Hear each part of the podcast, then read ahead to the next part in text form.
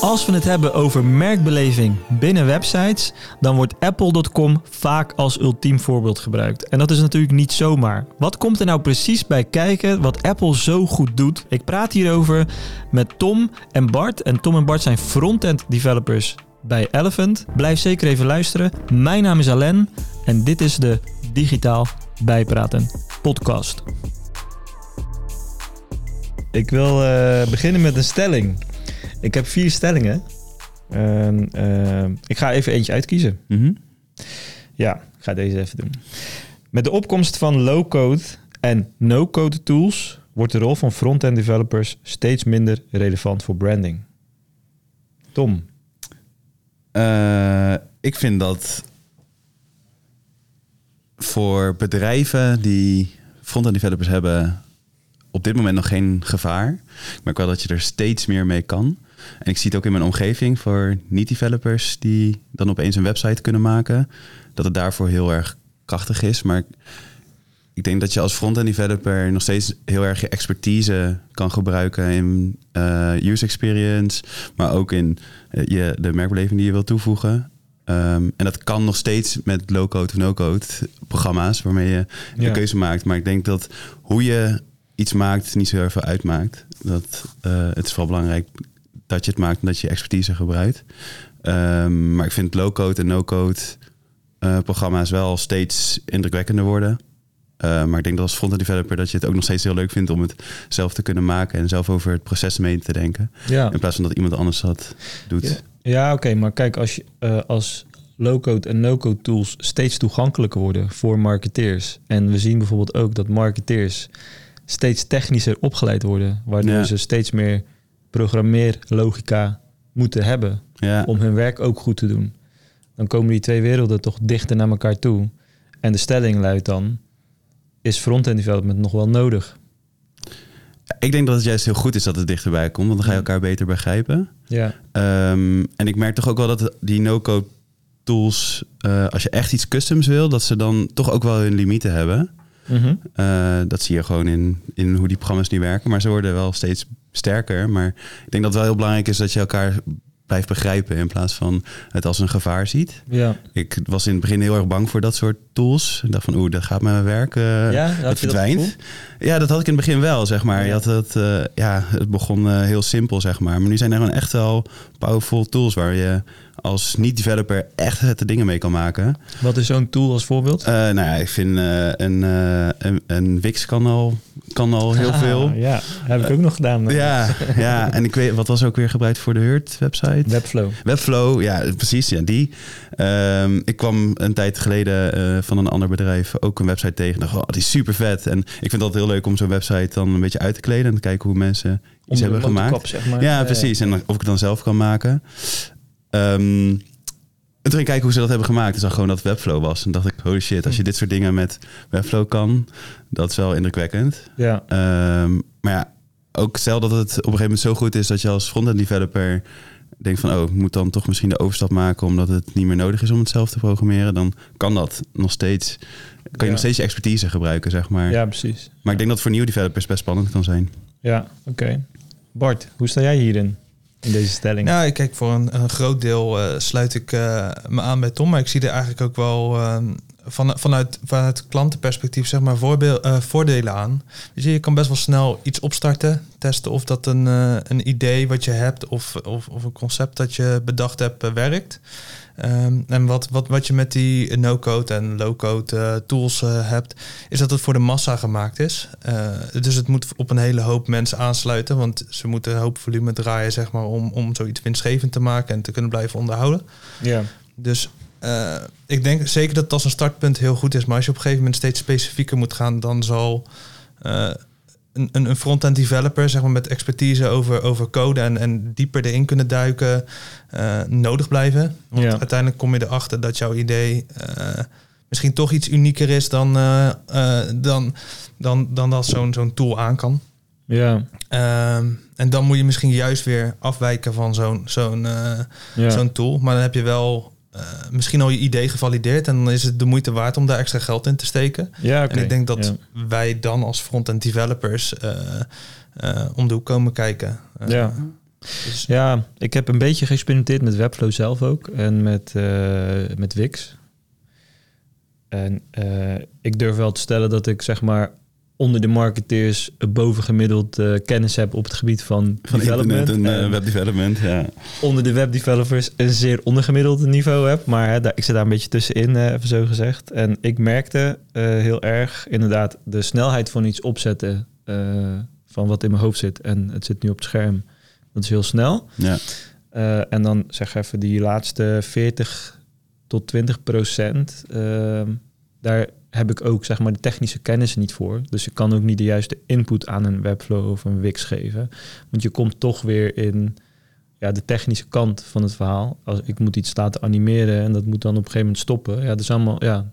Ja, het is ook een bepaald moet gevoel wat je moet hebben, zeg maar. En, dan moet je toch de basisprincipes van zeg maar hoe eh, een, ja, een, taal, een programmeertaal werkt, is wel, ja, had mij wel geholpen om, Ja.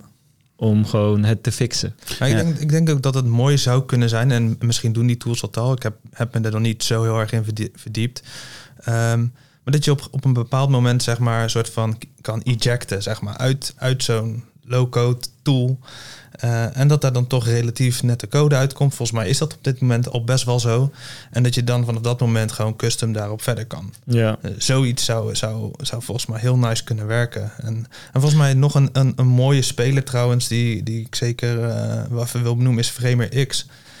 Je had het al over animaties. Framer is natuurlijk, nou, dat kennen wel als front-end developers wel, is super visueel en kan je onwijs mooie interacties al, eh, al mee maken. Ja. ja. Ja. Beetje prototyping ook wel, toch? maar volgens mij kun je, kan je daar dus tegenwoordig gewoon echt eh, hele, hele sites mee maken die echt, echt wel een, een, een wow-effect hebben, zeg maar. ja.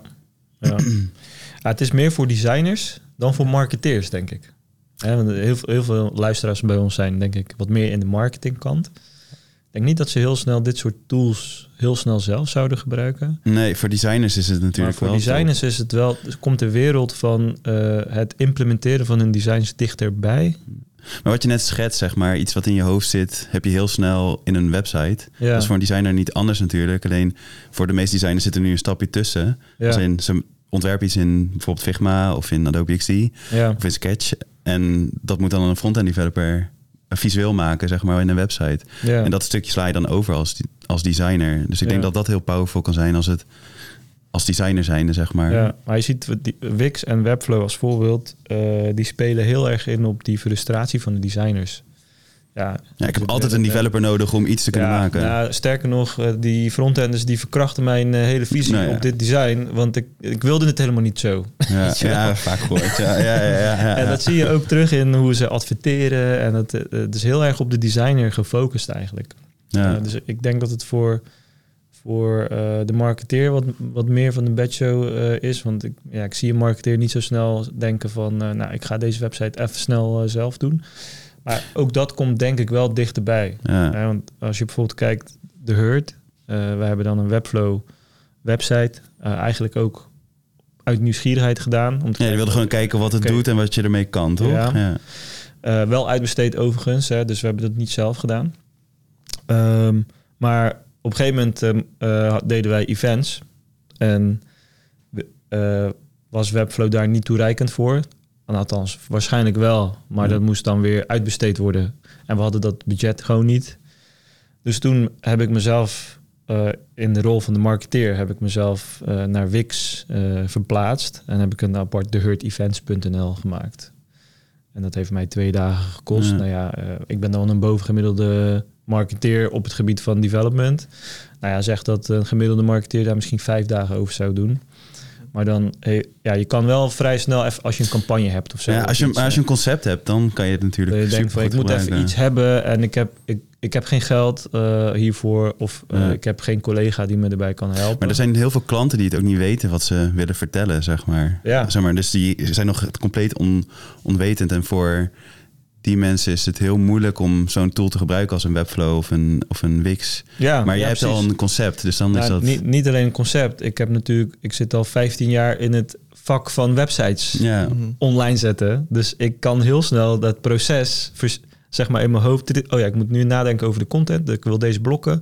Ja, je weet exact wat er nodig is. Je hebt al een stappenplan van tevoren in je hoofd zitten. Ja, en dat is voor een marketeer die eh, zeg maar een website maar één element is van allemaal andere dingen. Ja, die, dat, ik denk dat die denkwijze dan eh, helemaal niet zo snel gaat op dat specifieke stuk. Zeker. Ja. Dus ik denk dat het voor marketeers is het eh, iets meer ver van je bedshow. Dus Ja. Zo- Maar voor designers en voor, voor ja, is het designers is, supergoed komt de wereld dichterbij, zeg maar. Ja, Zeker. Ja, ik denk Het dat wordt het nog steeds gewoon een, eh, een eh, zelfs met zijn tool een soort eh, samenwerking moet zijn, zeg maar, tussen al dan niet een designer en een frontender in, in combinatie met een marketing, eh, Mm. Eh, iemand, iemand die op de marketing zit. Ja. Eh, precies omdat jij zegt, het is een te ver van, eh, van hun bedshow. ja. Op dit moment in ieder geval nog. ja. ja, dus de rol van front-end developer, wordt die dan minder relevant of blijft die even relevant? Ik vind dat die even relevant. eh, Even relevant. Ja, zeker. Ja. Ja. Ja, voor mij op dit moment ook eh, moet ik die conclusie wel trekken, ja. Oké. Had dat eigenlijk wel eh, interessant geweest om eh, iemand van eh, de andere wereld hier even te hebben. Ja, Die dan Ja. zegt van nee man, dat verdwijnt gewoon. nou ja, ja, nou ja, kijk, Webflow developer, ja, heb ze gewoon, hè, die noemen zich dan zelf een Webflow developer. Dat is interessant. Ik heb ze nog niet, ik heb nog niet iemand gesproken die dat echt doet. ja. Maar wel interessant om te kijken wat zijn visie is en hoe die kijkt naar Ja. front-end developers die zelf een website coderen, zeg maar, in plaats van een Webflow gebruiken. ja. Dat is wel een interessante discussie denk ik. Ja. Maar goed. Hey, ehm, voordat we verder gaan.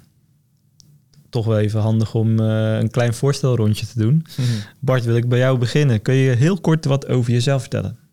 Ja, nou ja, ik ben dus eh, Bart. Ik ben eh frontend eh, developer bij, eh, bij Elephant.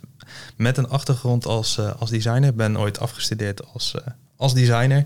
Hm. Ehm, en eigenlijk ook als designer in aanraking gekomen met, eh met front-end development.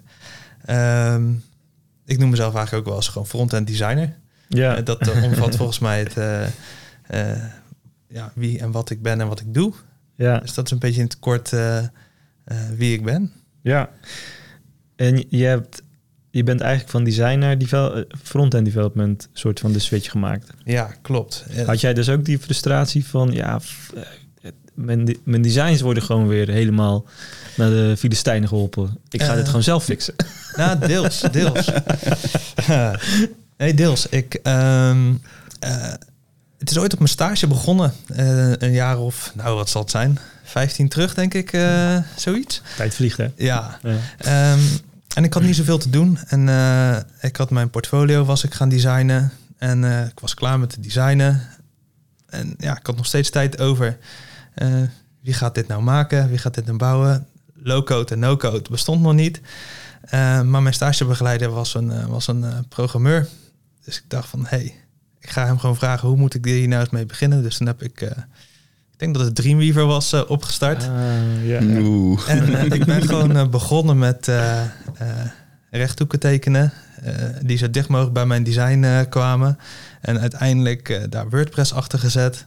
Eh, met heel veel hulp van mijn stagebegeleider toen de tijd. En ik begon eigenlijk wel eh erachter te komen dat ik toch wel heel erg leuk vond. Naast dat ik gewoon alleen een plat plaatje kon ontwerpen. Dat ik ook eigenlijk eh, het daadwerkelijk in de browser kon, kon toveren. Kwam tot leven, zeg maar. Ja, het kwam een beetje tot leven. Al, al bestonden animaties en eh eh, Was responsive überhaupt al een ding toen? Nee, zeker niet. Nee. Nee, volgens mij ontwierpen we alles op een vast grid. En eh Above the Fold was zo'n ding destijds. Zeker. Ja, alles moet boven de vouw. Alles Ja. boven de vouw. Wat is de vouw? Ja, ja, dat ding in je scherm, weet je wel. Je scherm was 786 of zo. Heel klein. ja. Hey, met, zo is dat eh, begonnen. Ja. En eh, ik heb het eigenlijk nooit meer losgelaten. En eh, de combinatie van design en frontend eh, Ja. eigenlijk altijd vastgehouden. En ja, d- daar ligt gewoon heel erg mijn interesse. Dus ik, ik, ik zie mezelf ook echt als een visuele frontend developer. Ja, alright. Hey, en eh, Tom, vertel jij eens kort wat over jezelf. Ja, ik eh, ben eh, Tom dus. Eh, ook front-end developer bij, eh, bij Elephant. Ehm, doe ik nu bijna zo'n zeven jaar. Eh, daar ken ik overigens ook Bart van. Eh, want Bart was mijn stagebegeleider eh toen de tijd. Hmm. Die heeft eigenlijk alles wel een beetje geleerd met wat ik... ja, die heeft mijn, mijn front-end carrière wel echt gekickstart. Ehm, en hebben best wel een tijdje met elkaar samengewerkt. En werk nu drie jaar voor Elephant. ehm, zelf mediatechnologie gedaan, daarna afgestudeerd. Dus ik heb iets meer die technische achtergrond. Ja. Ehm, eh, ik vind back-end development overigens eh, niet interessant voor mij, zeg maar. Dat is niet mijn, eh, mijn expertise. Maar ik begrijp het wel goed en ik begrijp data goed. Ehm, en daarom vind ik het ook heel erg leuk om, om JavaScript te schrijven. Maar ik vind het ook heel erg leuk om efficiëntie en een project opzet klaar te zetten voor andere mensen. Dus daar ben ik heel veel mee bezig. En ja, dat doe ik nu met heel veel plezier. Ja, nou, jullie zitten allebei bij Elephant. En ik had dus ook als vraag, eigenlijk richting jullie, waarom eigenlijk Elephant? Elephant is een vrij klein bureau. Eh, je hebt volgens mij binnen jullie vakgebied op dit moment best wel veel opties en keuzes. Dit was, ja, ik- jij zit er nog re- relatief kort, Bart. Mhm. Jij zit er wat langer, Tom. Maar voor beide denk ik wel een bewuste keuze om voor zo'n type bureau te gaan. Zeker, ja, het is de persoonlijkheid die ik eh, eh, bij grotere bedrijven wat mis. Mm. Ik hou van korte lijntjes en als er iets mis is, ehm, weet ik wie ik moet hebben. En ehm, ik heb ook heel gauw het gevoel, hier bij Elephant in ieder geval, dat ik gehoord word. Dus als ik iets vind of Mm. mijn mening wordt gevraagd, dan Maar word wat ik gehoord. betekent eh, korte lijntjes voor jou dan? Eh, nou ja, ik kan direct met, eh, met Fabian en Jeroen Ja. praten, zeg maar. Als in die lopen Dus- elke dag langs. Dus persoonlijk contact Ja. met de leiding. Met de leiding, Ja. ja, maar ook Ja. collega's onderling hoor. Ja. Want je merkt gewoon bij een klein bedrijf ken je iedereen onwijs goed, persoonlijk ook. Hm. Dat is bij een groot bedrijf moeilijker. Ehm, en ik hou heel erg van dat persoonlijke in mensen, zeg maar. Eh, Ja. Ik vind het leuk om mensen te leren kennen. Ehm, maar wel op een, op een kleiner gebied. In plaats van dat ik 100 mensen moet leren kennen. En zijn het hier 15 Ja. of 18 inmiddels. Ehm, en dat vind ik, ja, dat, dat, dat trekt mij meer dan een, dan een groot bedrijf waar ik Ja. toch een soort van weg wordt gezet als een pion. Oké. Ehm, Maar dat is jouw associatie, want dat is mijn associatie, zeker, maar dat is ook mijn mij ervaring. eh, heb je bij grotere bedrijven gezeten? Eh, ja, 50 man is het Ja. grootste waar Ja, ik voor heb gewerkt. ja, ja oké. Dat is nog relatief Dus dat- klein nog steeds. Dat is nog steeds eh, klein, dat is Ja. voor mij nog steeds MKB, ja. toch? Ja. ja, nee, ik heb nog nooit voor een groot, eh, groot Niet bedrijf voor een corporate of iets. ge- Nee, nee, nog niet. Nee. Ja. Nee. Nee, want ik, ik, ik hoor dit vaker en ik denk dan, ja, zijn korte lijntjes dan inherent aan een kleine organisatie? Of is het ook meer, zeg maar, wat voor manager zit er op jouw afdeling? En, Dat en een type bedrijf wat ik zoek. Zeg maar, ik ben op zoek naar, naar zo'n bedrijf. En dat vind je sneller, denk, de- denk ik, bij, Mm. Bij kleinere bedrijven. Ja. Dat voelt wat, ge- wat gemakkelijker of zo, denk Ja, ik, dan ja. bij grote bedrijven. Ja, oké. Maar de doorgroeimogelijkheden bij grote bedrijven, die heb je er natuurlijk wel Iets meer. meer dan bij een kleiner bedrijf. Dan moet je gewoon ja, je eigen rol creëren, zeg maar. Terwijl vaak bij grote bedrijven de, de rollen en, en de stappen, zeg maar, al vaak voorgedefinieerd zijn door, door de mensen die er al langer zitten, bijvoorbeeld. Ja, precies. En dat is bij een kleiner bedrijf vaak zelf ontdekken van waar je naartoe Ja. kan groeien. Dus bij een groot bedrijf staat de navigatie aan. En bij een kleiner bedrijf, dan moet je zelf de route... Ja, vaak wel. Ja. Vaak wel. Dan moet je meer zelf doen. Ja. Ja. En dat is misschien ook wel interessant, inderdaad. Dat, dat, Voor de ene is dat Ja. interessant, voor de andere is dat beangstigend misschien ook. dat denk ik. Ja. Ja, ja, dat denk ik zeker. Maar ik denk dat als je wat meer ervaring hebt, dat je dan ook wel beter weet wat je wil en kan. Ja, Dus dan is het misschien wel wat makkelijker. ja. Oké. Hey, en Bart, jij hebt een tijd gefreelanced. En je hebt toch gekozen om dat niet meer te doen. Ik ben wel benieuwd, zeg maar, ja, wat, eh, wat was voor jou die trigger? Ja, voor mij eh, eh, was die trigger, die slaat eigenlijk heel erg ook op, op het antwoord dat Tom net, eh, net gaf. Ik persoonlijk merkte heel erg dat ik het teamgevoel miste, zeg maar. Dus samen ergens aan werken. Kijk, eh, ik had wel een hele leuke groep mensen om me heen, waar ik zeker dingen van leerde. Maar iedereen is toch uiteindelijk met zijn eigen project bezig. Ja, Ehm, en binnen een bedrijf, zowel groot als klein, werk je gezamenlijk aan een project. Of althans, dat is in ieder geval het doel. ja. Eh, en eh, nou, dat miste ik gewoon heel erg als freelancer. Mm. Ik was dat heel erg in mijn eigen eiland samen met mijn klant. En en that's it. Eh, en dat hoop ik hier, en dat heb ik tot nu toe hier ervaren bij Elephant, is dat niet zo. En vandaar eigenlijk gewoon- het teamgevoel. Samen ergens aan werken. Dat is het ook de drive die, die je hebt bij een bedrijf om dingen elkaar te leren? Is dat, bij, is dat anders dan als je freelanced? Dus dat je sneller geneigd bent om iemand te helpen of iemand echt uit te, Zeker. ja, uit te leggen, zeg maar? Ja, tuurlijk. Ja, kijk, je, je, je, je, hebt, je streeft eigenlijk gezamenlijk een doel na, weet je wel. Dus je moet elkaar ook wel gewoon bepaalde kennis overdragen. Ehm, je, je moet elkaar op de hoogte houden van... hey, ik ben hier op dit moment nu mee bezig. Eh, want voor hetzelfde geld ben ik eh, de week daarna ziek... maar dat project moet wel opgeleverd worden. Eh, en dat is ook, ook deels een voordeel van, van in een team werken... want je kan dus taken overdragen. En als freelancer moet je altijd alles zelf oplossen... Mm, en kan je dus niet de lasten delen. Dat, dat merkte ik ook heel erg in het freelance. Van hey, shit, dit is toch nog net wel eventjes een beetje te lastig. Hier ligt mijn expertise toch niet. Eh, bijvoorbeeld het stukje eh, zware JavaScript zei, waar jij misschien beter in bent. ja. Eh, kan ik misschien gewoon beter met jou eerst bespreken? Kan ik het alsnog zelf oplossen? Of besluiten van, hey, het is, het is veel handiger omdat dat, dat jij dat stukje gaat doen.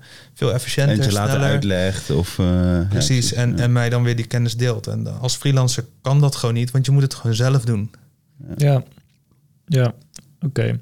Dus jij mist gewoon het teamgevoel en eh, samen ergens aan bouwen in plaats van alleen. Ja, aan, ja, ja. ja zeker. Oké. Oké. Hey, eh, stel jullie zou- zouden 100% eigenaar zijn met z'n tweeën van Elephant. Eh, klein bureau, jullie hebben hiervoor gekozen. Jullie zijn volgens mij eh, ook blij met de keuze tot zover. Maar wat zouden jullie dan morgen veranderen? Morgen, Ja, dat is al snel. dat is heel snel. ja, dat is heel snel. Ehm, ja, we zijn nu heel erg aan het zoeken naar eh, de samenwerking tijdens projecten. Ehm, dat dat toch wel heel erg moeilijk is in hoe we op dit moment met elkaar projecten draaien. En dan heb ik het vooral multidisciplinair. Dus binnen de disciplines gaat het supergoed. Dan zit je heel Ja. erg dicht op elkaar. Maar je merkt dat als het van de ene discipline naar de andere discipline gaat... dat daar de samenwerking soms wat, wat stroever loopt. Ja? Ik dus zou daar zo snel mogelijk iets aan, eh, aan willen veranderen. Ehm, ik hou heel erg van het creatieve proces en dingen met elkaar doen. En dat is niet altijd even, even eh, efficiënt eh, op, op het grote plaatje, zeg maar. Maar als je het op lange termijn kijkt, vaak wel. Omdat iedereen Mm. wel, weet wat hij, wat hij doet. Ja, En als hij eigen inbreng heeft gegeven. ja. Dus ik zou dat wat meer in, inbrengen. oké. Eh. Wordt dat nu niet ingebracht? Nou, daar zijn we heel erg mee bezig. Maar dat, dat gaat wat mij betreft wel te langzaam. Oké. Dus ik zou dat misschien wat sneller Jij zou dat hoger op de prioriteitenlijst. Ja, ja, Oké. ja, want ik merk dat dat gewoon heel veel energie geeft in een team. Dat, wat Bart net zegt, zeg maar, samen dingen maken. Dat is, we zijn allemaal people mensen hier, zeg maar. Ehm, dat, dat, dat drijft mensen, dingen samen, sa- Ja. samen een project te maken. En aan het einde trots zijn met elkaar in plaats van... Ja. ik heb mijn eigen dingetje gedaan en daarna Ja. heb ik het weer overgegeven. Maar dit is geen quick win, hè? Dus volgens mij is het best wel een eh, complex iets om te Het is fixen. een lang termijn, Toch? eh, ja. Je gaat er morgen aan starten. ja, dat is waar, ja. Eh, het is goed, want ja, het moet een keer... eh, eh, de, maar het is wel duidelijk waar, waar jouw prioriteit ligt. Dus eh, mocht Fabian en Jeroen luisteren, jongens. ja. een, eh, ik zal deze snippet even doorsturen, ja. boodschap naar jullie. Eh, maar zijn er ook eh, dingen die je morgen zou veranderen als in... Oké, voor mijn gevoel hoog effect, maar relatief lage energie. Wat het kost om het te veranderen. Ik zou de disciplines door elkaar heen gaan husselen. We hebben nu heel Mm. erg het PM en eh, sales eh, eiland. En, eiland ja, en ja. eh, strategie en design eiland en dan een development eiland. Ja, blijf eigenlijk in dezelfde, Disciplines. dezelfde thema. Ja. Eigenlijk disciplines overlap door... Ja, maar iets wat ik snel zou kunnen veranderen, is bureaus gewoon, omgooien. bureaus, zeg maar, werkplekken switchen. ja, en misschien meer op projectteam in plaats van dat je op discipline Ja, ja. mensen neerzet, zeg maar. Dus je zit gewoon twee, drie maanden met elkaar aan een project. ja, Ehm, ja, En misschien niet tegelijkertijd, maar je bent er wel mee bezig. ja. Ja, laat die mensen gewoon lekker bij elkaar zitten. Dan stimuleer je het creatieve proces, denk ik. Oké, wederom tip voor Faap en Jeroen. Oké. Als jij volgende week eh, bezig bent met je doosje inpakken, dan... eh, Ja, dan hoor je dit, ja. nee, dat is gekkigheid. Oké. Hey, eh, jij eh, Bart. Wat zou jij eh, veranderen? Jij zit er nog wat korter, maar eh, ja, misschien is dat ook wat frisser. Ja, nou, Ja. kijk, wat, wat ik zelf eh, dan misschien vanuit het freelance eh, wel eh, positief heb ervaren, is dat je, en, en dan juist met het team, zeg maar, iets vaker het, het, het kantoor uit. Dus met, met het projectteam Mhm. dat je hebt, misschien juist even van context switchen, misschien juist wel bij de klant zelf, misschien. Of, of Ja. en, en waardoor je dus juist een, een hele andere energie krijgt dan op kantoor. Eh, je hebt ook wel eens van die heidagen waar eh, hele mooie ideeën altijd eh, eh, naar voren komen. Misschien kun je dat zoiets ook wel op projectniveau doen. Dat lijkt me wel. Da- daarin Hutje op de hei. Ja, Oh, dan- hutje op de hei Dan, dan sluit Ja, je ja. even af van, van eh, de dagelijkse sleur. Hmm. En Mm. kom je met de meest waanzinnige, onhaalbare ideeën.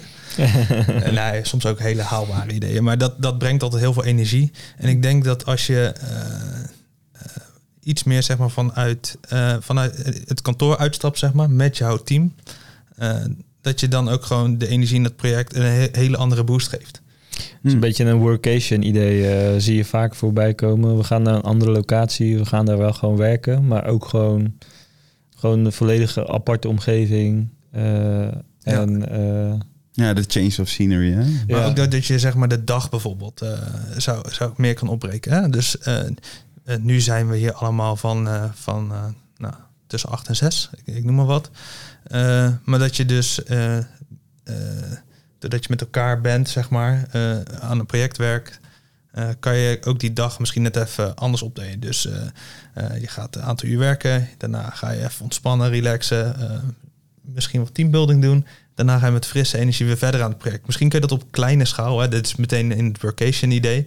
Maar gewoon net even ja, de, de, de standaard, standaard stramine uit. Het kan ook al gewoon een dag, toch? In plaats van dat je... bijvoorbeeld Zeker. Ja. Ik denk dat je de, de- we hadden het over kleine quick wins. Ja. En misschien kan je zoiets in, op, op, een, op een kleine schaal doen. er worden hier gouden tips eh, gegeven aan het management van Elephant. Goed, hè? Ja. Oh, Misschien man, eens even man, een keer man, het man, man. tegen zitten.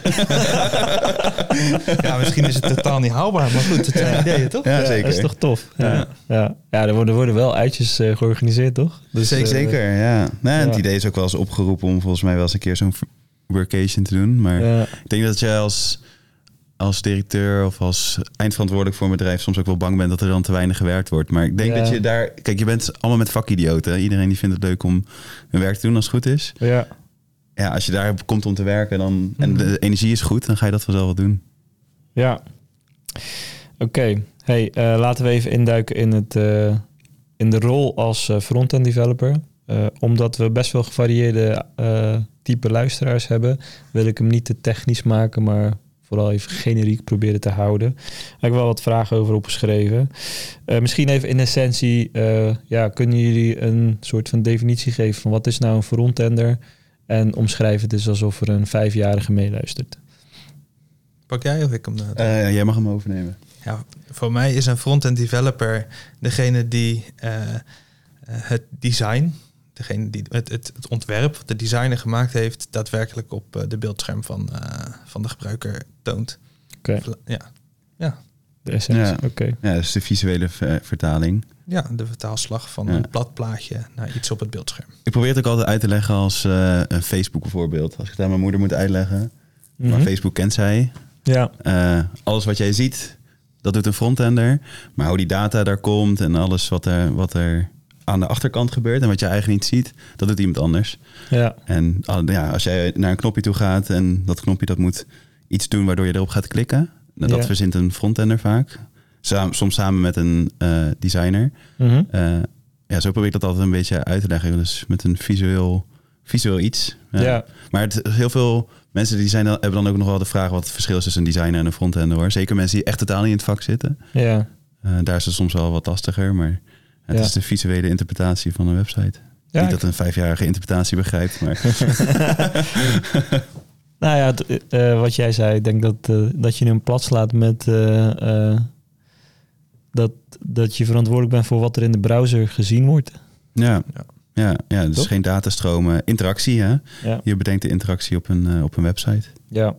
En in dat, pro, in dat proces, hè, dat is een beetje de hooghoofdthema van vandaag ook. Hoe jullie als front-end developers invloed hebben op ja, de merkbeleving. Ja, dat begint denk ik bij de designer, of misschien nog eerder bij de stratege en et cetera. Maar ja, waar beïnvloeden jullie dat proces, zeg maar? Want eigenlijk zou je stellen, als, eh, als leek even zo gezegd, ja, het is toch allemaal uit, uitgedacht en jullie voeren dit gewoon eh, uit wat iemand anders al bedacht heeft. Maar zo zwart-wit is het denk ik niet. Nee, je kan, je kan zo frontender zijn. Dus dat je Mhm. het inderdaad allemaal op het presenteerblaadje blaadje hebt gekregen. Je hebt eh, eh, prototypes die zijn uitgewerkt met animaties en eh, timings die je één op één kan overnemen. Ehm, Maar wat ik steeds interessanter ook vind, omdat ik dat stukje wel begrijp, zeg maar. Dus die visua- visualis- visualisatieslag op een, op een website. Eh, die begrijp ik. Maar ik vind het ook heel erg leuk om aan het begin van dat proces te zitten. En we zijn heel erg aan het zoeken hoe we dat kunnen, kunnen, kunnen vinden. Ja. En dan ga je dus juist aan het begin van het proces zitten. Want als front-end developer ben je mega goed. Het is een- heel veel front-end developers zijn supergoed in patronen herkennen. ja, Ehm, dus iets wat ze ergens anders hebben gezien, vertalen naar het merk van een klant bijvoorbeeld. ja, Ehm, dus daardoor is het juist als front-end developer heel interessant om bij die begingesprekken te zitten. Het hoeft niet per se met een klant, maar wel met designers als zij in een eh, brainstormfase zitten. Om daar als frontender al aan te haken, omdat je Ja. patronen herkent eh, ehm, en dat heel erg goed kan, kan toepassen in een, in een website. ja. Dus dan het hele creatieve stukje, dat ja, is dan voor de designer, zeg maar. Maar ehm, als front-end developer kan je daar superveel aan toevoegen. Dus het is vooral in dat begintraject Ja. waar je eh, in het proces kan je heel Ja. erg veel eh, toevoegen als frontender. Maar die worden, eh, daar worden de front-end developers doorgaans nauwelijks bij betrokken. Hè? Ja, te weinig vind ik. Ja, ja. En we zijn hier heel erg bezig om dat dus wel te doen. Ja. Zeker met de frontenders die dat ook leuk vinden om in dat Mm. beginproces te zitten. Ja, Ehm, want ja, je bent toch creatief. Ja. En je wil ook zelf dingen verzinnen in plaats van dat het ja, allemaal maar op een presenteerblaadje wordt gegeven. ja Eh, maar het, wordt, het gebeurt te weinig, vind ik. Ja. oké. Ja, Ik denk dat niet alleen het beginproces, eh, dat wij daar invloed op kunnen uitoefenen als eh, frontender. Weet je, een designer die, eh, die maakt een aantal designs en eh, eh, die, die probeert zoveel mogelijk al, al uit te werken. Eh, maar tussen die designs gebeuren ook allerlei states, noem je dat. Dus eh, ik druk op een knop, eh, er gebeurt iets en ik ga naar een volgende state. Eh, ook zorgen zeg maar, dat dat zo vloeiend mogelijk gaat, zo snel mogelijk gaat, is ook iets waar je als, als front-end developer eh, voor een merk kan zorgen dat het, dat het eh, bijvoorbeeld niet traag voelt, maar gewoon super quick en snappy is. Ja. Eh, dat is iets waar je als designer eh, volgens mij helemaal niet per se over hoeft na te denken. Dat is iets wat, wat wij als frontenders eh, doen. ja, Ehm, dus daarin kan je ook een stukje merkbeleving eh, eh, op het moment dat, dat jij echt midden in het, in het front-end development proces zit al, al meenemen. En, en zorg dat het merk als, als prettig wordt ervaren. Ja. Eh, Als front-end developer wil je ook een soort flow creëren, toch? Dus dat probeer ik Ja. vaak. Dat kan je met animaties doen eh, of met de interacties op een knop. ja, Eh, maar je wil een, een, een gebruiker van een website die website intrekken. En dat kan je in het design best wel moeilijk eh, eh, ja, aangeven, zeg maar. Je Mm. kan het wel het idee geven als designer, maar als front-end developer maak, doe je het in de, in de website en wordt het heel Mhm. tastbaar, zeg maar. ja. Dus ja, inderdaad, zeker wat Bart ook zegt. Maar dat zie je nu toch juist heel erg terugkomen in tools als Figma, dat het eigenlijk in het designproces ook al heel goed kan. Dus de interacties en de, de animaties en Steeds Wat- beter. wat ja. gebeurt er als ik eh, hierop klik. Dus Ja. hoe neem ik die gebruiker mee eh, in zijn vragen die Ja. hij heeft op deze pagina. Het is alleen voor veel designers best wel nieuw. Dus die hebben daar dan nog niet heel erg veel ervaring mee. Dus daar kan je als front-end developer wel bij, bij helpen, zeg maar. Omdat Mm. dat voor ons meer natuurlijk is. En dat is misschien voor jou nog wel meer, omdat jij veel meer een design eh, achtergrond mhm, hebt. eh, waardoor je dat nog beter begrijpt dan. Ja, kijk, zeker. Die, die tools kunnen dat steeds meer. Maar er is ook een... een designer heeft ook maar een, een, een x-aantal uren tot zijn beschikking... om dat, eh, dat allemaal uit te kunnen werken. Ja, Je kunt je voorstellen dat als jij daar als designer allemaal over moet nadenken... dat, dat het designbudget gigantisch eh, gaat groeien. Eh, maar als jij dat als front-end developer gewoon standaard in je arsenaal hebt... omdat je dat vaker hebt gedaan... kan je die stap misschien in het designproces al overslaan. Want voor een klant is dat misschien helemaal niet zo relevant... tijdens een eerste designpresentatie. Hm. Eh, maar uiteindelijk bij een, eh, een eh, product wat live gaat... is het wel degelijk relevant. Nou, in mijn optiek zou het juist super relevant zijn voor de klant. En waarom zeg ik dat? Ik, ik denk als je die dingen niet meeneemt in je, zeg maar, eigenlijk pitch je jouw visie op het merk online. En wil je die klant juist inspireren in die verandering naar de nieuwe situatie. En Mhm. een klant inspireer je natuurlijk door wel met verrassende dingen ook te komen in het design. Waarbij zelfs de klant vanuit zijn eigen merk zegt: Zo hé, ja, zo heb ik er niet eens naar gekeken. Maar nu je dit zo laat zien, wauw. Zeker, Dit is wat maar, ik wil. maar moet, moet dat in het designproces al? Of tijdens, tijdens het stukje... Om de eh, klant te merk- motiveren, hey, we moeten wel echt het next level gaan eh, Zeker. met jouw ambities. En next level ziet er zo uit. Eh, dus daarmee wil ik niet zeggen dat het eh, dat frontend er niet nodig is, maar eh, het is, ik denk juist dat het wel in hoe meer je dat betrekt in je designfase, hoe meer je die klant ook kan uitdagen in we gaan we gaan van jouw merk niet meer een statisch ding maken, Nee. maar het is een levend iets geworden Absoluut, en een ja. levend iets. Hoe ziet dat er dan uit? Nou, zo ongeveer. Ja, Eh, precies. Eh, En wat je, Maar dan, dan hou je het wel in, in het- de design tool. Ik bedoel het meer Ja. zeg maar als, als frontend tegelijkertijd optrekt met, met design, kan je het al meteen in de browser laten zien in plaats van dat je dat moet designen. ja, oké. ja, dus als je meer met elkaar samenwerkt, heb je, kan je het al in de, in de browser en dan laten zien. kan in jij plaats je expertise als is, ja. front-end developer Ja. daar juist laten, laten zien. Ja. Ja. Ja. Ja, zeker. En maar ook als, als eh, ehm, designer dat je... Je kan inderdaad wel een aantal componenten uitdenken waar dan heel veel interactie in zit. We doen dan vaak bijvoorbeeld een, bij een eerste presentatie een, eh, een homepage eh, laten dan zien. Want daar zit vaak al een verhaal in. Ja. Ehm, maar er zitten er nog heel veel meer pagina's achter waar je ook een bepaald verhaal wil vertellen. Maar om dat allemaal uit te werken met allemaal interactie kost super veel tijd in een designproces. En daar kan je als front-end developer dus ook al in het begin al rekening mee houden. En ook al tegelijkertijd starten in principe met een bepaalde interactie uitwerken. En dat kan dan heel bazaal met, eh, met rood en groen en gewoon een normale eh tekstgrootte in plaats van het design daadwerkelijk al helemaal Ja. af is. Ja, wat, ja, precies. En wat jij zegt, Bart, eigenlijk is dat, dat je het proces eigenlijk veel kunt versnellen door design en frontend parallel met elkaar te laten optrekken. Ja, ja, precies. Ja, Precies. Misschien meer. eh, je, je, volgens mij haalde je net iets van prototyping aan, zeg maar. Ja. Misschien dat dus juist eerder al naar de browser te trekken in plaats van het in de design tool te laten. Mm. Je doet het ook al best wel vaak, hè? Dat je dan gewoon iets ziet of zo en denkt... Oh vet, ik ga dat even eh, kijken of het kan. En kijken eh, of, of, het al, of het werkt, zeg maar. Ja. Je doet dat best wel vaak met dat experimenteren. Ja, ja, Toch? Ja. dat, dat, eh, om, omdat uiteindelijk moet het in de browser werken en niet in, Ja. eh, in Figma, Sketch of in je design tool. Ja, oké.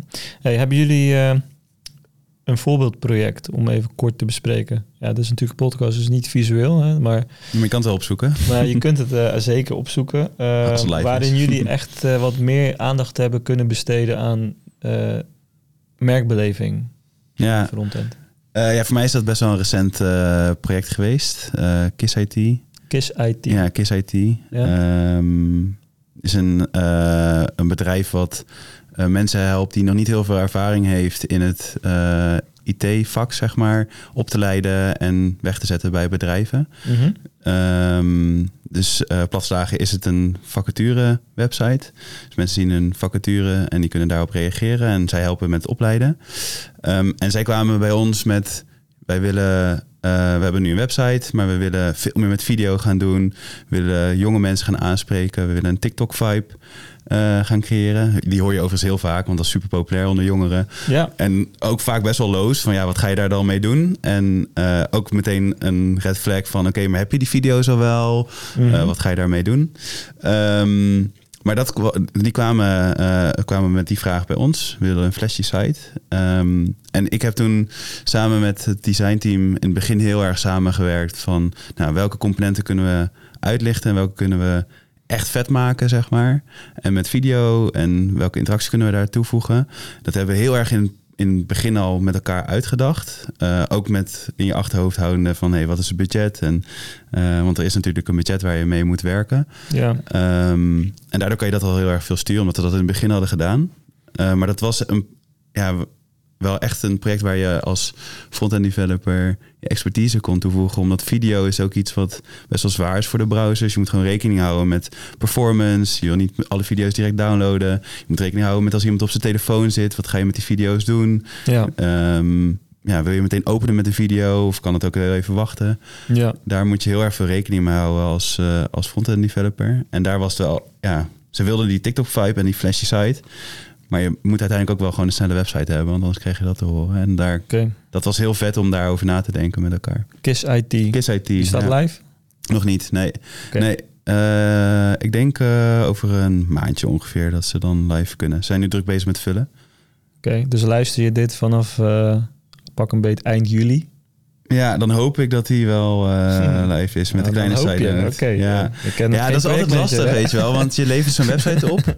En je merkt toch ook wel vaak dat klanten het heel moeilijk vinden om, om passende content dan te vinden. Dus in het begin zijn er allemaal wilde ideeën van... we gaan short copy, kleine teksten, pakkend. Maar uiteindelijk merk je toch dat zo'n website gevuld moet worden. En dat er dan al gauw wordt teruggepakt naar, naar teksten die er al zijn bijvoorbeeld. En dat is puur tijdswinst, wat heel begrijpelijk is. Mm. Ehm, maar je merkt gewoon dat dat heel lastig is als voor een klant om dan uiteindelijk toch de copy te, te schrijven Ja. of te laten schrijven die eh, bedacht is in de strategie en in het designproces. Ja. Ja. Oké. Moeten ze misschien eh, ChatGPT wat eh, effectiever inzetten? Ja, maar ik vind ChatGPT soms ook best wel wollig, groot. Je moet je echt zeggen, geef, schreef een Ja. beknopte tekst, zeg maar, want Ja. anders komt hij meteen met vijf alinea's. Ja, maar dan moet je dat zeggen. Dan moet je dat zeggen, ja precies, dan moet je hem dat leren. Ja, dus, eh, dit is het framework waarop je moet schrijven. Ja, Want Als hij precies. dat dan niet doet, dan moet je het feedback geven. Ja, maar dan moet je hem zeggen dat hij dat anders moet doen. Maar goed, dat is iets anders. KISS IT, dus een project waarin jij zegt, nou, daar hebben we de merkbeleving echt, hebben we echt aan kunnen werken. Ja, ja, eh, vanuit frontend perspectief. vanuit frontend, eh ja. Ja, En dus heel erg goed die samenwerking gecombineerd vanuit het design en, eh, en frontend. Dus alright. dat was echt een leuke, leuke test. ja. oké. Leuk. Ja. Dan gaan we door naar samenwerking met andere expertises. Want dat is, je gaf al aan dat dat zou een van de dingen zijn die je gelijk zou beetpakken als jij, als jij het mocht beslissen. Ehm, hoe worden jullie nu dan betrokken in het designproces? Ja, wat ik merk is wat als, als, als er ontworpen wordt, dat ik dan toch eventjes bijgeroepen word. Hey, is dit handig om, eh, om zo te doen? Ja, Eh, en zo ja, eh, wat zou je eventueel nog verbeteren? Of als ik nee zeg, nou dat is helemaal niet handig, dan, dan mag ik wel eens een voorstel doen. En zeggen van, hé, hey, ik zou het, zou het eens zo kijken, zou dit kunnen werken? Ja. Dus eigenlijk gewoon... eh, Ze gebruiken je als frontender regelmatig om een soort van hun idee te valideren. Van is dit haalbaar en, Ja. eh, of eh, moeten we het anders doen? Ja, precies. Oké. ja. Ja. Zo merk ik het. Gewoon, ze lopen gewoon naar mijn bureau toe en eh, Ja. check dit even. Ik merk ook vaak dat er een voorzetje wordt gegeven. Van joh, wij denken dat het zo moet. Wat vind jij? En dan kan je met elkaar brainstormen over de beste oplossing. ja. Eh, daar word je inderdaad vaak voor, eh, voor gebruikt. Maar je merkt toch wel gauw dat het veel vanuit design is. Dus design heeft, een- eh, heeft frontend als klankbord, zeg maar. Hm. Dat merk je vooral. Frontend, niet design. Eh, zeker wel. Ja, ze- ja, nou, ik bedoel vooral die twee disciplines. Dus frontend maar- en design zijn de twee disciplines die veel met elkaar samenwerken. Ja, maar, Maar- lopen jullie dus ook wel eens naar design toe? Van, Zeker. eh, hoe moeten Ja, we dit doen? zeker. Ja, kijk, we, designs die worden niet vaak volledig uitgewerkt. Het is, alle componenten Ja, ja. zijn er, maar Ja. eh, er zijn zoveel stappen tussen eh, mobiel en een megascherm, een tv bijvoorbeeld. Ehm, waar je best wel vaak gewoon even over moet sparren om, om te kijken wat de, wat de beste oplossing is om iets responsive goed te laten werken. ja. Of je verzint zelf een interactie en denkt van hé, hey, ik wil toch even valideren of dit wel past bij het Ja. merk en het idee van de designer die die had bij deze website. Of het is ontworpen voor eh, twee, eh, twee eh, regels tekst en het wordt twee alinea's tekst. Ja, ja, wat gaan we daarmee doen? Wordt Ja. het fondshuis kleiner? Gaan we toch de video of de foto weghalen? Dus dat is een beetje de, het niveau van het sparren. Ja. Ik snap het. Ja. En eh, in hoeverre werken jullie dan eh, nauw samen met eh, zeg maar de marketingafdeling? Dat is meer echt de directe klant, even de contactpersoon bij de klant vaak. Eh, hebben jullie daar regelmatig contact mee in de samenwerking? Of eigenlijk helemaal niet? Of, Ik merk bij Elephant vrij weinig. Mhm. Ikzelf. Eh, ik denk ja, bij Elephant zelf werk ik nu nog te kort om, om op een stukje Elephant te kunnen reageren. Maar als freelancer natuurlijk continu. Ja, maar Eh. daar heb je eigenlijk ook de projectmanager pet op, even zo gezegd. Ja, maar je werkt dan ook natuurlijk met, met de marketing eh, guy of girl van, van, de, eh, Ja. van, van, van, van jouw klant. Eh, dus dan is die samenwerking er zeker. Eh, Ja. En dan is het met name gewoon prioriteit te stellen van hey, wat, eh, wat is het belangrijkste, wat moet er nu gebeuren en waarom is dat belangrijk? Ja. Eh, op die manier. Zou dat een toegevoegde waarde zijn voor die marketeer aan de klantzijde om juist wat regelmatiger ook de frontender te betrekken in, eh, in de samenwerking? Of zou dat juist ruis geven? Ik denk dat het wel heel goed is. Alleen moet je dan, als ik voor mezelf spreek, wel heel goed begrijpen van elkaar wat je van elkaar verwacht en wat je voor input nodig hebt. En waar zou het goed voor zijn? Ehm, ik denk dat je veel, een, uiteindelijk een beter product met elkaar samen, samen maakt. Hm. Eh, maar dan heb je wel dus dat hele begrip nodig. En ik, ik heb dat nog niet, zeg maar. Ik begrijp niet heel erg, nog niet heel goed wat een, wat de content marketeer exact doet, zeg maar. Ja. En wat zijn werk echt dagelijks is. En ik denk dat dat vice versa is voor de content marketeer. Die weet ook niet precies wat, wat ik doe. Die denken dus ook vaak bijvoorbeeld dat we gewoon een plaatje namaken. ja. Mm. Ehm, en Mm. ik denk dat je dus van dat, van die visie en van dat denkbeeld af moet. ja. En dat je dan goed met elkaar samen kan werken. Ik Ja. denk dat het ook afhankelijk is van het type frontender, eh, zijn persoonlijkheid. Eh, is, eh, is iemand eh, introvert of extrovert? Marketingmensen zijn toch vaak wat, wat meer extrovert. Tenminste, dat is misschien een beetje stereotype. Maar Mhm. als je daar een heel introvert iemand die gewoon heel goed is in zijn in zijn werk tegenover zet, dat, dat gaat alleen maar ruis opleveren en, en, en misschien nog heel erg botsen. En dan is het juist fijn dat er een projectmanager tussen zit die dan die vertaalslag kan maken. ja. Dus ik denk dat je dat per project, per team Ja. zou moeten, moeten bekijken of dat het een toegevoegde waarde is of dat het juist ruis oplevert. ja. Maar denk ook wel de format misschien en hoe je, dat, hoe je met elkaar samenwerkt. Ik ben best wel fan van workshops met elkaar, zeg maar. Mhm. En op die manier die, die creativiteit opzoeken. En dan is iemand zijn expertise super belangrijk. En dan heb je dus juist die verschillende disciplines nodig. In plaats van de twee disciplines waar je dan vaak mee samenwerkt. En dan is zo'n content marketeer super belangrijk in zo'n workshop. Maar ja. ik denk dat je wel moet helpen en een bepaalde eh, hulpmiddelen moet gebruiken om, om die samenwerking te, te versterken. Ja, als je het vertaalt naar merkbeleving, hè, eh, uiteindelijk zou je ze- zeggen van stel het, het gaat dus heel erg om merkbeleving binnen het, dat project. Dan heeft iedereen het doel om die merkbeleving naar een hoger niveau te tillen. Zeker. Ja. En wat doet dan de content marketeer om die merkbeleving naar een hoger niveau te tillen? En wat doe jij als front-end developer om het leven van die content marketeer Ja, te helpen en beter te maken, maar ja. ook om het merk ook nog vanuit jouw rol Ja. naar een hoger niveau te tillen. Daar ligt denk ik wel een, eh, een overlap. Hè? Ja, Door te begrijpen wat is het werk van die content marketeer binnen dat bedrijf Ja, exact. en Ja. waar liggen hun frustratiepunten. En zijn er misschien van de acht frustratiepunten bijvoorbeeld één of twee waar jij als frontender wat aan kan doen. Ja, en maar daarom is het ook heel goed om met elkaar in gesprek te gaan. En als ik heel eerlijk ben, dat doe ik echt weinig nog. Mm, Ehm, zeker naar, nou, je noemt nu de content marketeer als voorbeeld. ja, Gewoon echt, te- doe ik echt weinig. ja, Als we dit zo, als we dit gesprek zo hebben, zeg maar. Ik, ja, ik Ja. heb echt geen idee eigenlijk waar, Ja. wat zij als valkuilen zien binnen een website en hoe zij kijken naar een website en wat zij daar mee willen bereiken. Ik denk dat het wel, zeg maar, daar zou ik persoonlijk dan zeggen van daar zit misschien meerwaarde om te verkennen. Is om, om een beter begrip te krijgen van hun werk. Zeker. En, eh, en wat zeg maar de output dat jullie maken impact heeft op hun dagdagelijkse zaken, even zo gezegd. Als je iets bedenkt waardoor zij eh, twee dingen niet hoeven te doen en daardoor een halve dag per week eh, aan andere dingen kunnen besteden. Ik, weet- ik weet het niet, hè, maar Ja. eh, dat, dat soort dingen. Dat, je weet niet wat je niet weet, zeg maar. nee, precies. Ja. Totdat je het weet. Totdat je met elkaar gaat praten. En, Ja. ja. Dus soms eh, zou het misschien al helpen dat je inderdaad zegt van heb je een uurtje kop, of, om even een kopje koffie, ik ben benieuwd naar je werk. Ja. Ja, dat moet ook allemaal passen in je, in je planning. En Ja. Het kan ook gek overkomen natuurlijk, want ja, eh, ik heb toch een projectmanager, hoezo... eh, ja, hoezo moet ik me daarmee bemoeien? Ik heb Hoezo? nog zin om ja, te praten. Dat kan, kan de projectmanager dat, dat weet je natuurlijk allemaal niet, maar ik denk zeg maar als beide partijen daar eh, een vorm Ja. van openheid in hebben. Ja, als je open het- gesprek met elkaar voelt. ja, voert dat daar wel wat dingen uit kunnen komen, wellicht hè. Ja, ik denk het ook. Ik denk ook gewoon dat, dat, dat je dat een beetje aan moet voelen op projectbasis, toch? Gewoon Zeker. van, hey, het team wat we nu samen hebben gesteld, daar, daar gaat zo'n workflow in werken. Eh, laten we inderdaad dat bakje koffie doen. Hmm. En kijken eh, waar de knelpunten zitten. En wellicht dat één van de disciplines binnen het projectteam eh, dat kan oplossen. Ja.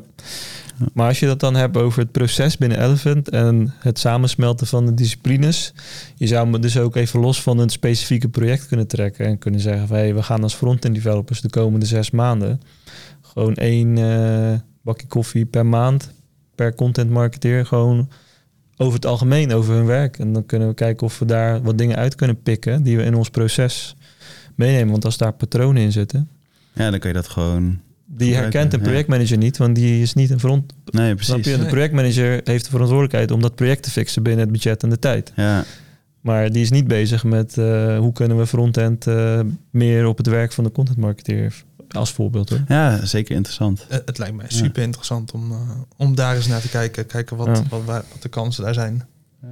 Hmm. Komen we nou eh, tot weer een eh, nieuwe tip voor Fabian en Ik denk dat zij echt deze podcast moeten gaan terugluisteren, deze aflevering. Ik denk dat- Allemaal insights. Het Pennetjes. Ja, zet ons, zet ons tegen, eh, tegenover een kattenmuurtje. Even kijken wat er gaat gebeuren. Ja. Oh, als ik straks een boze Fabian eh, aan mijn bureau heb. Ja, is het allemaal processen te veranderen? Dan, eh, Ze willen nu opeens dingen. Ja. mogen geen mensen meer podcast bij jullie doen. Geef je nou ineens die stomme frontenders ook, eh, ook een stem? Ja, Ik kan ze eindelijk in het gareel. Nee, hopelijk doen we er wat mee, toch? Maar ja, dat ligt Ja. ook aan onszelf, toch? Ik bedoel, Ja, zeker. eh, als wij zelf... Ja, ja, het lijkt me echt interessant. Heb je, heb je het gevoel zeg maar, dat je die ruimte wel hebt eh, binnen Elephant? Ik wel. Ja, zeker. 100%. Ja, ja. Ligt Die, echt wel die bij ruimte moet je wel echt nemen, zeg maar. Je planning wordt snel vol. Hmm. Maar de ruimte is er 100% om, om dat op te zoeken. Ik ben vorige week bijvoorbeeld ook naar, naar een meetup gegaan in Amsterdam. ehm, om met andere mensen te praten en zo. En dat, ja. Ja. Maar eh, wat je zegt, dat was een development meetup.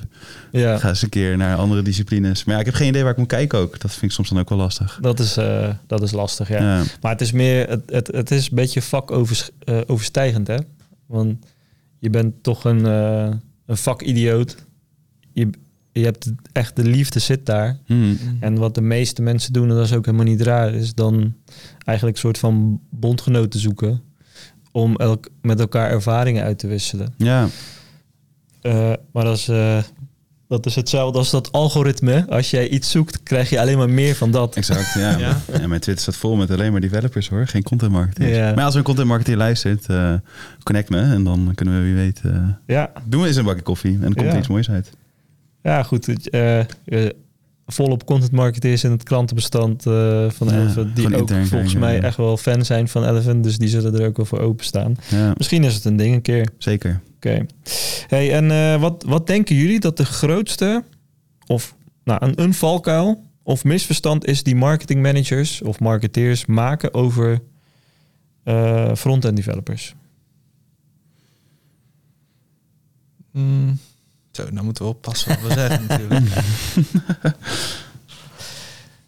dat wij eigenlijk alleen maar een eh, uitvoerende rol hebben. En Oh, dat ja. wij misschien eh, eh, niet zo creatief zijn als dat, dat we daadwerkelijk zijn, Hmm. Ja. Ja. denk ik. ja, ik denk dat je daar wel een goed punt hebt hoor. Hmm. Ik denk dat dat voor, voor heel veel mensen... beetje zo. de stereotypen. Dat zijn die gasten die coderen, toch? Ja, ja, Ja. precies. Ja, ja. Ja, die plaatjes maken. Ja. Ja, ja. Of dat plaatje namaken. Dus niet eens maken, namaken. Ja. Ja, maar ik denk dat dat dus veelal komt omdat we natuurlijk niet eh, op de voorgrond treden. Ja. Eh, omdat we niet in het begintraject zitten. Ja. We weten frontenders, maar we zitten echt vrij weinig aan die voorkant. toch? Ja. Dus dat merken wij mezelf hoor. Ja. Als in, ja, ik, ik spreek klanten vaak eh, een keer aan het begin en aan het einde. En misschien een keer tussendoor als er een oplevering is. ja. Eh, maar je bent als frontend developer ben je eigenlijk vaak niet aan de voorkant. Beetje onzichtbaar misschien. Ja, ja. Waardoor eh, er eh, ja, niet precies weten wat... eh, ja. Weet je hoe dat van elkaar niet weten wat we doen. Ik denk dat dat ook komt omdat je als backend developer zeg maar creëert CMS, daar gaat de klant mee werken. Hmm. Maar uiteindelijk die voorkant van die website, ja, die wordt gevoed door het CMS. Dus het CMS al wordt uitgelegd, daar Hmm. wordt over nagedacht, er wordt besproken met de klant. Maar in principe wat de, wat de frontender uiteindelijk, of wat de, design, wat de klant ziet van de frontender, Hmm. hebben ze in principe al een keer gezien in het, Hmm. in het designproces, zeg maar. En daardoor val je soms best wel, het is een- wel een schip om je verhaal te, uit te Ja, leggen, zeg dus maar. weinig- En daardoor is er weinig begrip, terwijl Ja. er heel veel gebeurt. Ja, er wordt echt veel. Ja. Ehm, Zou dat niet een eh, missie zijn die bij jullie twee ook past? Hè? Want ik, jullie zijn wel de voorvechters, eh, durf ik te zeggen, op, op eh, front-end gebied. eh, en hebben jullie daar een duidelijke visie over? liefde voor het vak. Ja. jullie hebben echt wel een visie, want daarvoor heb ik jullie hiervoor ook uitgenodigd eh, voor dit gesprek. Maar een so- soort van missie van, nou kunnen we onze klanten niet een veel duidelijker, completer beeld geven over het vak, wat wij doen en waarom het voor hun wel relevant is. Zeker. Ja. En dat begint misschien ook met die kopjes koffie gewoon. Hè? Dat Ja, ze gewoon een beetje een beeld krijgen van... oh, kijk, je hoeft geen boekwerken te maken of zo. Maar Nee, maar het kan gewoon in een open gesprek, hè? Zoals we wat we nu met elkaar doen. Is dat, ja, ja, ik denk dat dat heel veel begrip kan. Ik, eh, ik wil daar zeker over nadenken. Ik, eh, heb de op- oplossing niet meteen, maar het is zeker een heel interessant iets om, eh, Ja, om eens over na te denken hoe we, hoe we frontend meer een gezicht eh, kunnen geven. En, Ja. en, en, eh, ja, Ja. Hoe creëren we onze eigen frontend als frontender? ja. ja, ja, Dat precies. is onze eigen voorkant. Ja. Nou, je hebt nu al een heel mooi format. Ja, Het is precies. gewoon een opname die, eh, die je kunt delen. Die kan delen, ja precies. Ja. Ja, die gaan we ook delen. Ja. Nice. Oké. Hey, en eh, wat is jullie grootste frustratiepunt of struikelblok als het gaat om ehm, samenwerking met klanten? Ehm, ja, ik noemde hem net ook al heel even kort, een klein beetje. Ehm, maar dat is toch dat als een eh, als het frontend, eh, het frontend is klaar en de klant die gaat ermee aan de gang, dat het toch best wel moeilijk is om de juiste content te vinden bij, bij, je- bij je website. Hmm. Eh, dus de juiste afbeelding, eh, de juiste tekst. Hmm. Je ziet een mega verschil bij websites die gevuld zijn door iemand die zelf de copy schrijft op het design en op de strategie. In plaats van dat iemand dat niet doet. Eh, Ja. Dat kan echt je website maken of breken. En dan kan je als frontender echt uitstekend je best doen om een goede flow te creëren, Hmm. juiste interacties uit te denken, gebruikers mee te nemen in, eh, in wat je maakt. Maar vervolgens eh, wordt het soms gevuld en dan, dan kijk je terug en denk je, ah shit hé, dit is niet wat we bedacht hadden in het begin en niet hoe we dat voor ons ogen zien. Ja, ja. Kan ook eh, eh, zeker aan, aan de kant van ons zitten dat we ze al eerder hadden moeten waarschuwen voor dit. Hmm. Maar het is toch wel iets wat ik heel vaak terugzie. Dat er gewoon ja, toch even een afbeelding wordt, even een screenshotje of een foto van eh, WhatsApp eh, gebruikt. ja, ja. In een, in een panorama afbeelding die schermbreed is. En denk je, ja. shit hé. De, de vergelijking van eh, de chefkok die met liefde een gerecht voorbereidt. Ja, En dat er dan eh, een gast komt en eh, te veel zout of zo. ja, precies. Ja. En dan denk je ja, toch eh, heel veel dat hele zoutpotje alles, leeg alles met elkaar prakt. Ja, ja, ja. Het was een, Ja, zo'n brakje ah, zo snel naar binnen werkt. En je denkt van, Ja. ah, Ah, ik had het zo anders voor me gezien. Ja, ja, ja. ja, dan zie je als connoisseur, zeg maar, ja, heel je idee. Het is toch gewoon, eh, eh, is toch gewoon nossi? ja, precies. die reclame ja. is dat ja. toch? ja, nee, maar dat, dat is wel wat ik, wat ik heel vaak zie. En eh, jammer vind, dat is echt wel een struikelblok wat ik, veel, wat ik vaak zie. Ja. Ja. Hoe zou je die struikelblok eh, weg kunnen nemen met een klein stapje, denk je? Ehm, ik denk dat je als je van, als klant zijnde van tevoren al goed nadenkt over een contentplan... Hmm. Ehm, dat je dan echt al heel veel eh, eh, haalt, of, eh, er- er- eruit kan halen. Maar ook op tijd beginnen. Je merkt toch vaak dat als een website wordt opgeleverd, dan gaat die klant pas nadenken over de content die die Hmm. Neer gaat zetten. Hmm. Ehm, dat is te laat. Want Ja. dan moet zo'n website binnen één of twee maanden. Want eh, eh, de directeur die wil ook eh, zijn nieuwe website live hebben waar hij veel geld in heeft geïnvesteerd. Ehm, dus ja, dat moet dan allemaal opeens snel, snel, snel. En dan zie je toch dat het overhaast wordt. En dan krijg je dus die screenshotjes en de, de WhatsApp-afbeeldingen en dat veel te lange tekst. Ehm, ik denk dat als je dat dus eerder doet, dus eerder begint en desnoods hulp vraagt, eh, of van een contentmarketeer of eh, aan, aan een designer of aan een frontender om daar alvast over na te denken, dat je dan heel veel al beter kan maken. Dus op tijd beginnen is eigenlijk de beste tip die ik kan geven. Richting de klant. Ja. Maar wat kan jij? Als- Wat ik er zelf aan kan doen. Ja? Ehm, eerder signaleren. Hmm. Ehm, er worden wel eens eh, eh, elementen ontworpen waarbij je al ziet van oeh, als ze hier vier regels in gaan zetten, dan wordt het al lelijk.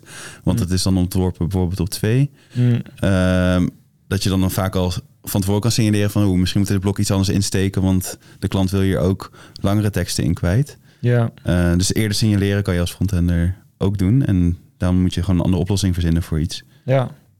Ja. Oké. Ik, ik denk dat dat voor mij ook een, een groot frustratiepunt is.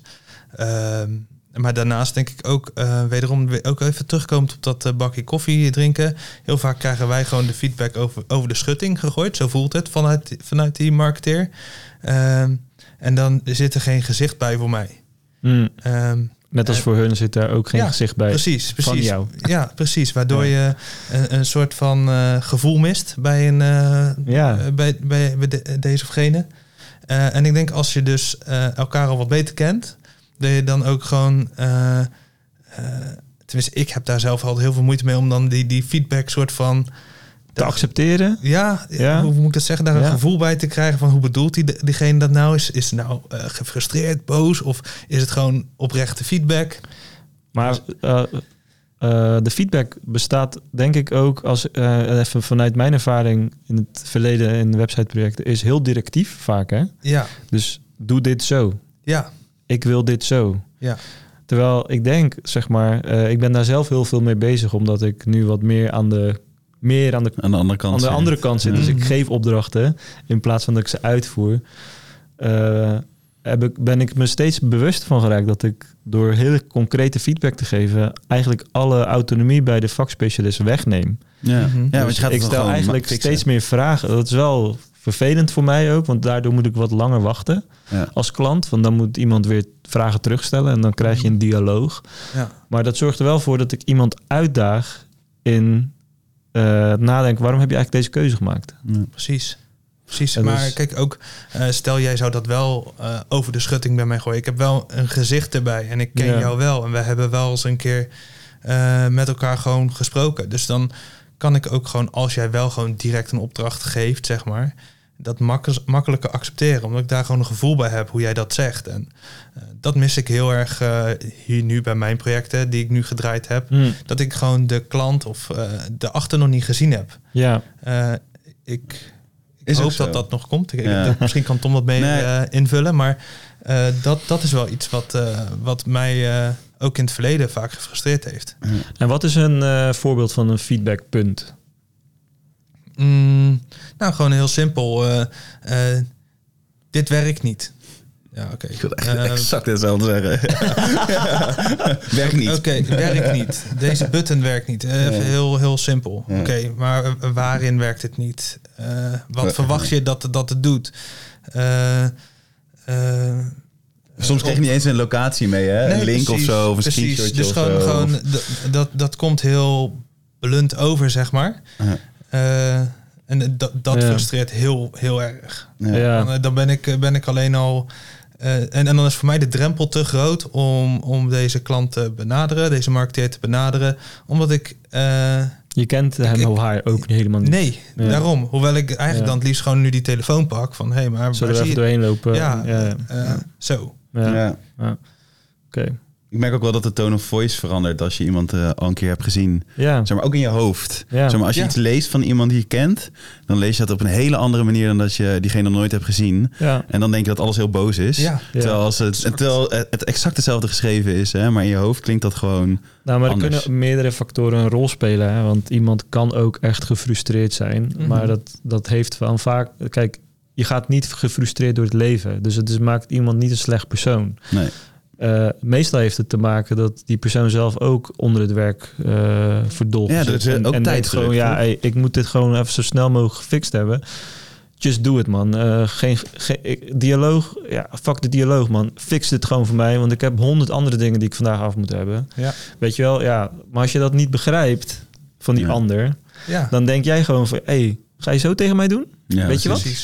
Wacht jij maar. Jij wacht nog maar even een week hè, en dan ga ik terugkijken. Nou, precies. Dat gevoel, als je zeg maar, exact dat weet, wat jij Ja. nu zegt, Ja, dan kan ik daar begrip voor hebben. Oh shit, Ja. hij heeft gewoon zoveel op zijn bordje nu. Oké, weet je, ik ga nu niet moeilijk lopen doen. ja. Ik ga hem helpen. In ik ga plaats hem van, helpen. eh, ik zorg Ja. dat hij eh, eh, Ja. eh, iets minder stress heeft en lekkerder Ja. door, Ja. door zijn week heen gaat. En positief blijven kijken ook, hè? Dat, Ja. Naar de website, zeg maar. In Ja. plaats van die negatieve vibe ja. Die dan toch soms een beetje ontstaat. Ja, ja begrip naar elkaar is echt belangrijk. Maar Elkaar begrijpen en kennen. toch, eh, die kopje koffie eh, komt er weer Ja. terug, hè? Ja. Ja. Ja, misschien zou dat gewoon eh, elke klant even moeten doen. Is dat niet een stukje kans voor een, een simpele onboarding als die klant al hier is voor bepaalde zaken, dat je de, dat je de een nieuwe samenwerking start met, eh, ja. eh, weet ik veel, een volledige dag in-house hier werken en dat je juist een half uurtje per expertise hebt, één op één of juist in een groep of. Ja, ik vind dat soort dingen altijd in het begin heel ongemakkelijk. Mm. Dus ik zou niet zeggen ja. Ah, ja. Maar ik denk dat als het moment daar is, zeg maar, dat ik denk van... Ja. Ah, ik zit ook wel graag achter mijn computer. Nee, ja. ja, ik snap. Nee, snap je wat ik bedoel, Ja, zeg snap maar? het, ja. Ik denk dat het heel goed is. Eh, maar dan zou het wel moeten proberen. Ja. Nou goed, eh, de, de oplossing is eh, denk ik vooral aan jullie. Niet dat het nu een probleem is, maar ik denk, de, laat me anders zeggen, de invulling moeten jullie denk ik met elkaar be- beslissen. Ja. Maar zo gaandeweg het gesprek komt het wel naar boven dat de verbinding tussen jullie vak en het marketingvak eh, eigenlijk wel een waardevolle toevoeging zou zijn. Kan het 100% zeker zijn. Zeker weten. Ja, zeker Ja. weten. Ja, Oké. Ja.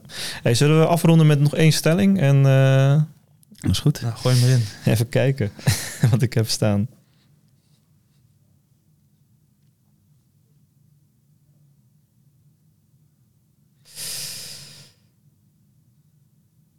Oké. Front-end developers hebben een grotere impact op de branding van een website dan de grafische ontwerpers. Mm, nee, denk ik niet. Nee. Nee, ik denk dat je als front-end developer invloed hebt met je expertise en je patroon herkennen, Mhm. maar dat je niet een grotere invloed hebt op het hele Nee. visuele. Ik denk dat je daar de creativiteit toch wel een klein beetje eh, mist. Als ik er voor mezelf spreek, dat is misschien jou anders. Maar ik heb die creativiteit niet om daar zoveel invloed op te hebben. Ik heb dat altijd nog wel nodig, een, een grafisch eh, iemand om tot een product te komen, zeg maar. Ik denk dat wij als frontender meer een aanvulling eh, zijn op. Ja. En niet... eh, ik, ik, ik denk echt dat een designer meer eh, invloed heeft op een, stukje merkbeleving. Gewoon omdat het alleen al veel visueler is. Ja, Ja, gewoon vanaf het begin al meteen, hè? Ja. Maar vanaf het begin is het al meteen visueel en zie je het, zeg maar. ja. Wij moeten eerst Visual Studio openen. En iets schrijven, zeg maar, voordat het visueel wordt voor een klant. Ehm, maar ja, je, je kan zeker je, eh, je steentje bijdragen. Maar ehm, ja, ja, nee, zeker weten. Oké, cool. Zullen we hem hier eh, lekker op afsluiten, jongens? Ik eh, weet niet hoe lang we al bezig zijn, maar Ah, het uurtje. voelt heel eventjes. Ja, dat valt mee. Nee, superleuk. Ja, laten we wel doen. Ja. Ja, Ja, ja. Dankjewel, jongens. Ja, bedankt voor de dankjewel voor de- insights ook, toch? Ja, bedankt Yes. voor de uitnodiging. En eh, wellicht tot de volgende. ja, ik denk dat er wel zaadjes zijn geplant. Maar, eh, Ja. Mooi. We gaan het zien. Oké, Nice. we sluiten hem af. Joe. Doei. doei. Doei.